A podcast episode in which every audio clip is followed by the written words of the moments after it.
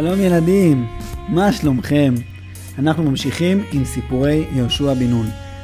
ואתם זוכרים שבפעם הקודמת סיפרנו איך אה, יהושע ובני ישראל התכוננו לחלוקת הארץ לנחלות. יהושע אמר להם, סיימנו את החלק של המלחמה הגדולה על ארץ כנען. ועכשיו כל שבט יקבל את הנחלה שלו. אני מבקש מכולם, יהושע כמובן לא אמר את זה לכל בני ישראל, הוא אומר את זה לעוזר שלו, צפניה. אני מבקש שכולם יתאספו בעוד שבוע, ביום חמישי בבוקר, כל בני ישראל לחלוקת הארץ.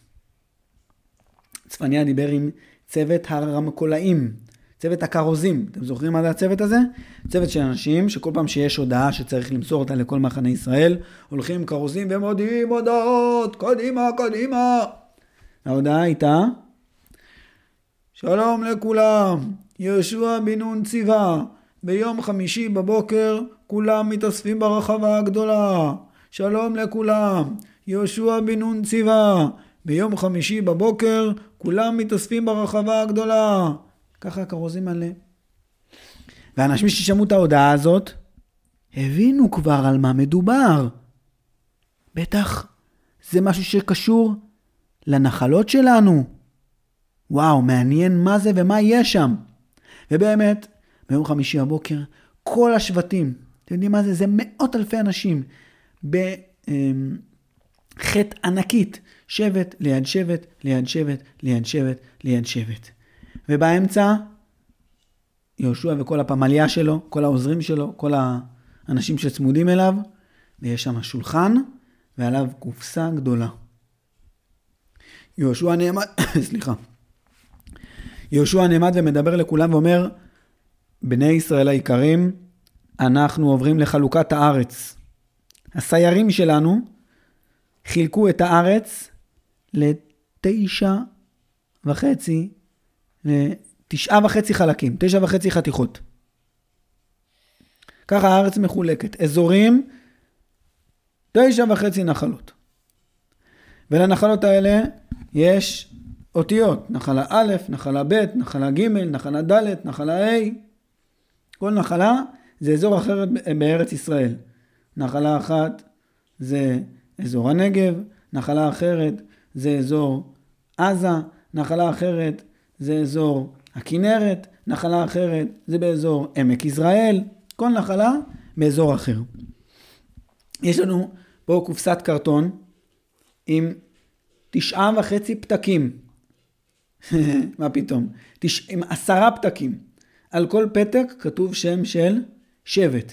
פתק אחד כתוב ראובן, פתק אחד כתוב שמעון, פתק אחד כתוב לוי. לא, לא לוי, מה פתאום? גם ראובן לא כתוב, אתם צודקים. גם ראובן וגם לוי לא כתובים, כי לא היו להם נחלות. פתק אחד כתוב יהודה. פתק אחד כתוב דן. פתק אחד כתוב נפתלי. פתק אחד כתוב מנשה. פתק אחד כתוב אפרים. אה, מנשה? מנשה זה גם לא. לא, אתה טועה, מנשה כתוב. כי הכוונה לחצי של שבט מנשה שינחלו בארץ כנען. אז לחצי. בדיוק, יש פתק אחד, אז לכן אמרתי, זה לא תשעה וחצי פתקים, זה עשרה פתקים, שרשימים עליהם שמות של עשרת השבטים שהם לא ראובן, ולא גד, ולא לוי, אבל כן מנשה. והכוונה, כי ראובן וגד לא נחלו בתוך ארץ כנען. הם בעבר הירדן המזרחי. מי שמסתכל פה מעין הנציב על הרי הגלעד, זה הנחלות של ראובן וגד. ולוי, השם הוא הנחלה שלהם. לוי היו מפוזרים בין השבטים. הם קיבלו ערים בכל נחלה והם היו מפוזרים, והתפקיד שלהם היה ללמד את בני ישראל תורה, וסיפרנו על זה. אז יש פה עשרה פתקים עם שמות של עשרה שבטים, ועשרה פתקים עם נחלה א', נחלה ב', נחלה ג', נחלה ד', עד נחלה י'. ואנחנו נרים פתק ופתק, וכל שבט ישלח את ראש השבט שלו, וראש השבט שלו יגיע למטה, ויסביר לו בדיוק מה הגבולות, ואתם תקבלו משימה. לכל שבט יש משימה. הוא צריך להצליח להתנחל בנחלה שלו, זה לא פשוט, עדיין יש שם אויבים, עדיין יש שם התנגדויות, עדיין צריך כלי נשק, עדיין צריך צבא. זאת המשימה שלכם עכשיו. בסדר? כולם היו בשקט, כולם היו במתח. יהושע הרים פתק א', שבט יהודה. פתק מהקופסה השנייה, נחלה ג'. לא יודעים, הסבירו אחרי זה. אחרי זה הסבירו בדיוק מה זה אומר. ככה הוא הרים אחרי זה את שבט יששכר. יצא לו נחלה זין. שבט נפתלי, יצא לו נחלה א', ככה חילקו את כל הנחלות, עשרה שבטים קיבלו עשר נחלות. ואחרי הדבר הזה, כל שבט הלך איש לאוהליו, כולם חזרו הביתה, ואצל יהושע התכנסה ישיבה. בישיבה הזאת היו נשיאי השבטים. נשיאי כל השבטים, כולל שבט ראובן, וכולל שבט גד. גד, וכולל שבט לוי, כל השבטים, למרות שהם לא קיבלו נחלות, אבל היו שם כל ההנהגה של עם ישראל. ויהושע ביחד עם העוזרים שלו הסבירו לכולם בדיוק איפה הנחלה שלהם, הסבירו לכולם מה המשימה שלהם, איזה התנגדויות צפויות להם, הסבירו את כל ההסבר הזה. ואז קם נשיא שבט יהודה ואמר, "אה, אדוננו יהושע, אני מבקש רגע, אה, אם אפשר, אה, להביא את אחד מאנשי השבט שלנו, הוא רוצה להיכנס ולהגיד כמה מילים, הוא ביקש, סליחה, אדוננו נשיא שבט יהודה, זה לא הזמן. יהושע, אני מבטיח לך שזו בקשה חשובה, בבקשה תקבל אותה. טוב, בסדר. פתחו את הדלת, מי נכנס? איש בן 85. יש לו שיער לבן כזה קצוץ, מגולח, זקוף, מתיישב ואומר, שלום אדוננו יהושע. שלום כלב, מה שלומך? הרבה הרבה זמן לא נפגשנו ולא דיברנו ביחד שנינו. מה שלומך? איך אתה? בסדר גמור. אתה זוכר את ההבטחה. ישוע הסתכל על כלב ואמר לעצמו, ההבטחה, כן, ההבטחה. אנשים הסתכלו, מה זה, על איזה הבטחה הוא מדבר? איזה הבטחה? מה זה? מה זאת ההבטחה הזאת?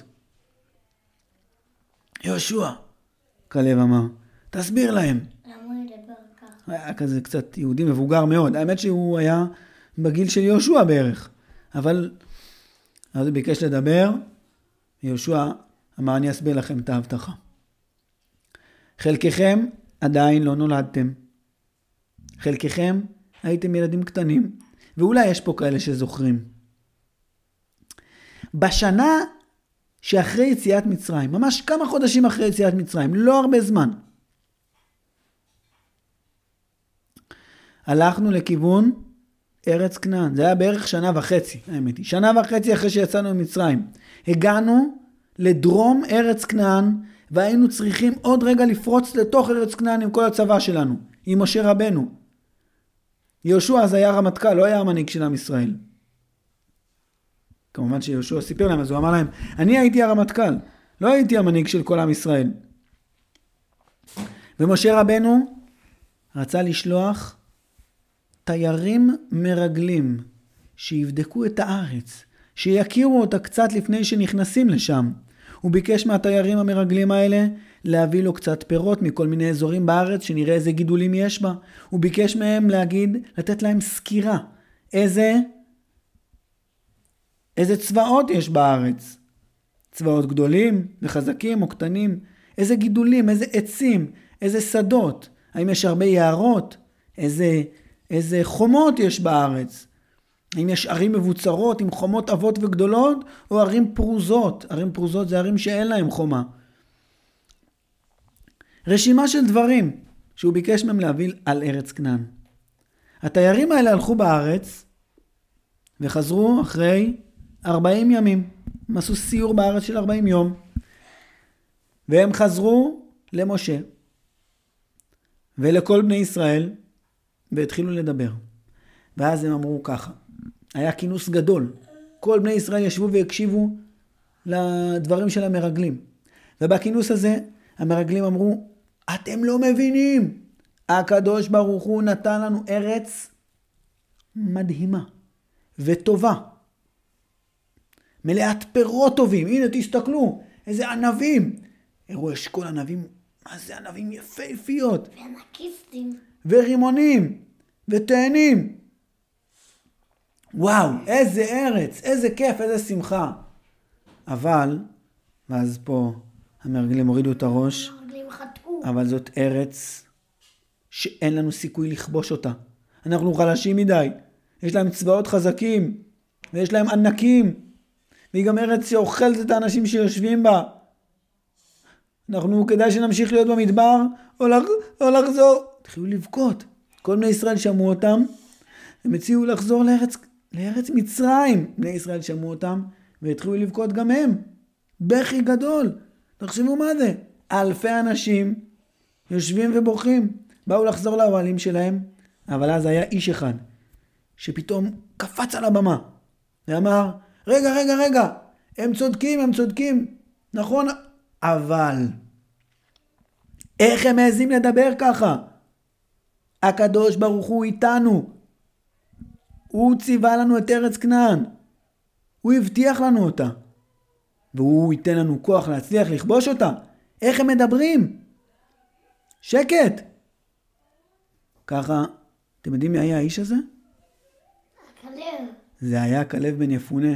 ואני, יהושע, הייתי שותף שלו, גם אני הייתי במרגלים.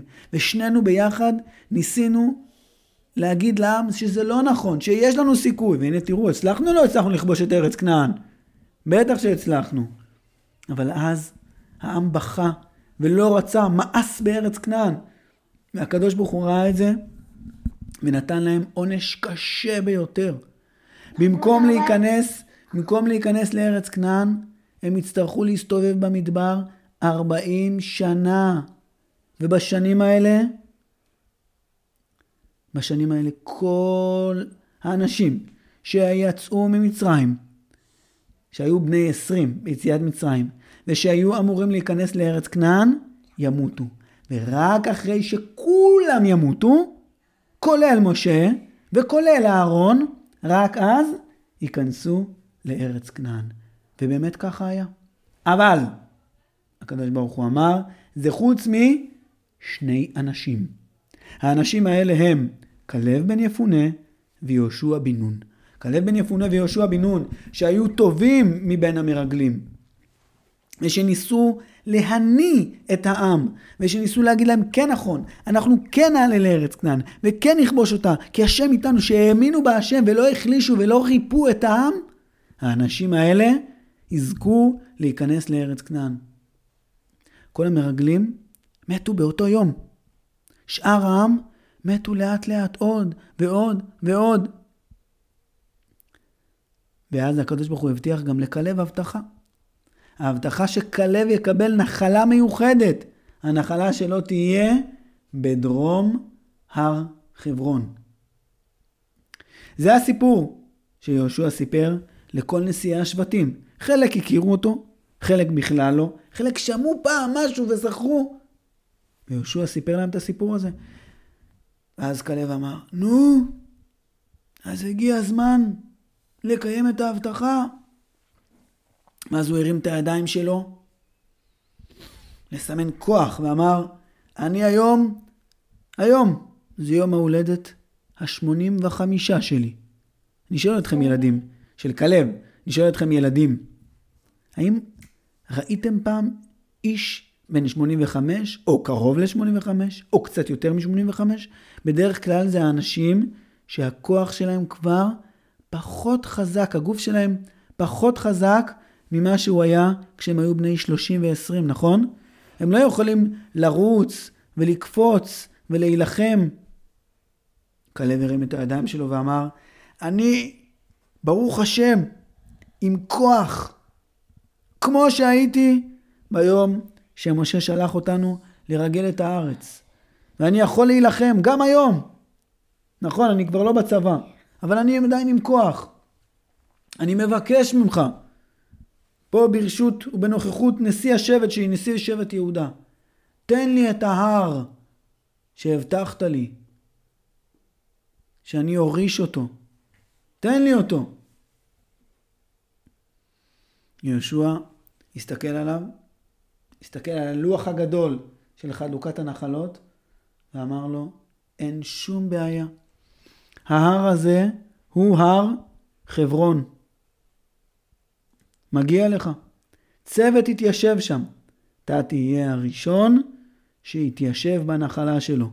קדימה, תאסוף לך גדוד של לוחמים, תצא איתם למלחמה ותתיישב בהר חברון.